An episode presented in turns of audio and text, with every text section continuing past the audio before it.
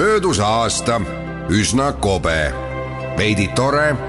veidi jube. vana laeb, uus tuleb peagi, mis tast saab. no kes see teabki? ühte teada tarvis aga, hoia vapralt püsti saba. ilusaid pühi ja paremat uut aastat soovib Kuku Raadio Kuku Raadios välja öeldud seisukohad ei pea ühtima Kuku Raadio seisukohtadega.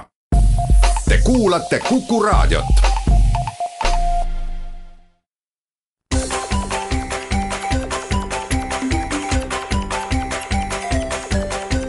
maksumaksja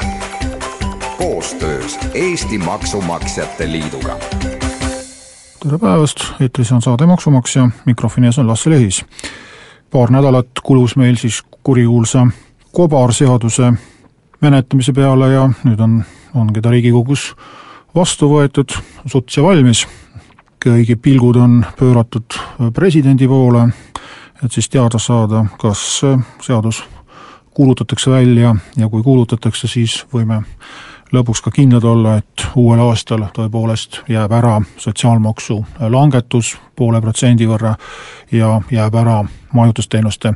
käibemaksu tõus. muud kobarpaketi komponendid suuremalt jaolt suunatud aastasse kaks tuhat kaheksateist, osaliselt aktsiiside, aktsiisitõusu osas ka suvel kaks tuhat seitseteist, ehk siis vähemalt poole aastapikkune etteteatamine on toimunud ja, ja nendest muudatustest on meil veel natukene aega toibuda ja, ja plaane sättida. aga nagu öeldakse reklaamides, kuid see pole veel kõik, täna räägiks siis nendest maksumuudatustest, mis sellest kiirest paketist välja jäid või välja võeti Need on siis asjad, mis on koalitsioonilepingus kirjas, mõnest on lisaks pealkirjale olemas ka arvud, ehk siis on ka välja arvutatud juba, kui palju raha uuest maksust soovitakse saada, aga muu on kõik lahtine, nagu näiteks siis sõiduautode maksustamisel või, või, või niinimetatud pangamaksu puhul või ka selle limonaadimaksu puhul päris palju on veel lahtisi otsi. kõigepealt mainiks ära seadusemuudatused, mis on juba vastu võetud ja mis ootavad meid Eestis aastal kaks tuhat kaheksateist. esiteks siis väikeettevõtjatel on võimalus vabaneda käibemaksu kohustuslase staatusest, ehk siis praegune kuueteist tuhande euro suurune aastakäive tõuseb neljakümne tuhande peale, ehk siis selles vahemikus aastakäibega ettevõtjad võivad kalkuleerida ja kui see kalkulatsioon annab tulemuse, et kasulikum on käibemaksukohustuslane mitte olla, siis on meeldiv võimalus ennast registrist kustutada aasta pärast. teine värskelt valminud seadusemuudatus, mis samuti aasta pärast meid rõõmustama peaks hakkama, on spordi ja tervishoiuga seotud kulude maksuvabastus, see on väga kaua jutuks olnud teema, väga pikka aega on vastavasisulisi seaduseprojekte Riigikogule esitatud,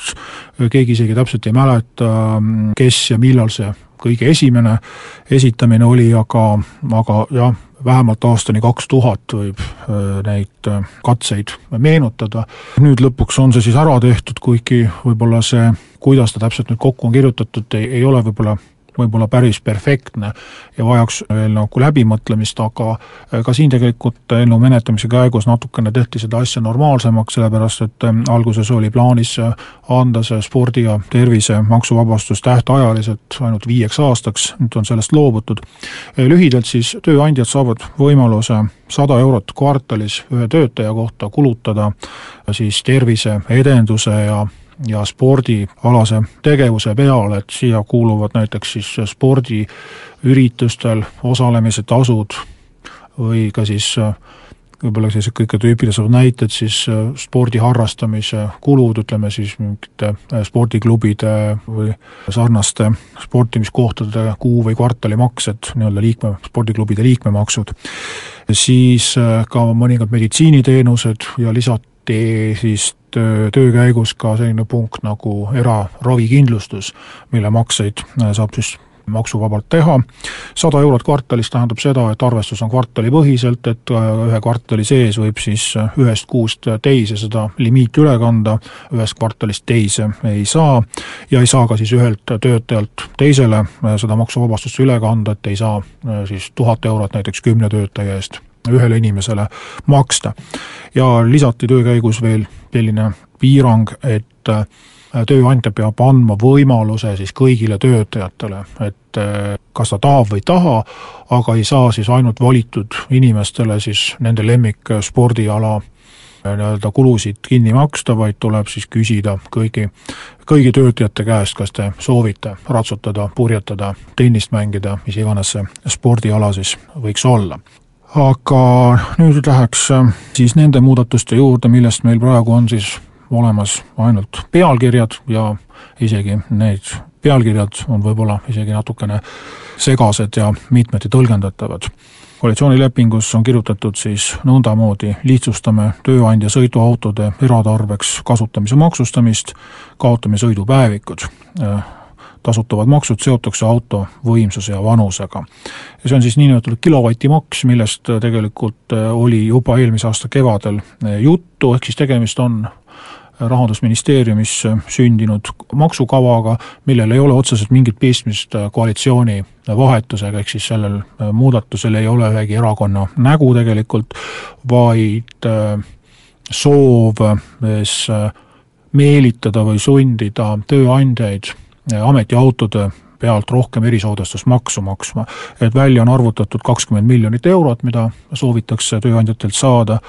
ja lühidalt siis tahetakse sõidupäevik mitte ainult kaotada, vaid tegelikult ka ära keelata, ehk siis tööandjatel tekib ainult kaks võimalust, kas null või sada protsenti, ehk siis kas ei maksta mitte midagi ja öeldakse, et selle autoga tehakse ainult töösõite, või siis, kui autoga tehakse ükskõik kui palju või kui vähe töösõite, siis maksta vastavalt mootori võimsusele siis kilovattide alusel nagu täismäära järgi. ja meile see variant ei tundu õiglane, sellepärast et kui ikkagi tööandjad äh, soovivad sõidupäevikut pidada, siis seda õigust neilt ära võtta ei tohiks ja me kardame, et see, selline olukord võib lausa põhiseaduse vastane olla, kui maksustatakse tulumaksuga tulu, mida tegelikult ei ole järgmine punkt, kehtestame pangalõivu finantsasutustele, välja on arvutatud kakskümmend kaheksa miljonit eurot, aga äh, näiteks kes või mis on finantsasutus, ei ole isegi teada, kas äh, on see siis bilansimahu alusel, kuidas seda arvutatakse, mis äh, selleks maksubaasiks on, mitte midagi ei ole välja öeldud, seetõttu ei ole siin võimalik ka midagi eriti spekuleerida, küll on aga üks asi, mida mina ka täiesti kindlalt usun, et maksavad selle kinni kliendid, ehk siis äh, pank leiab hea võimaluse suhteliselt kiiresti kas siis tõsta laenu intressi või mingeid teenustasusid, mille kaudu see kakskümmend kaheksa miljonit pangaklientidelt ilusti kokku korjatakse, riigile üle kantakse ja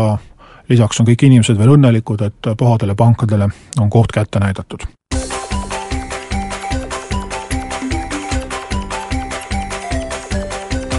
maksumaksja koostöös Eesti Maksumaksjate Liiduga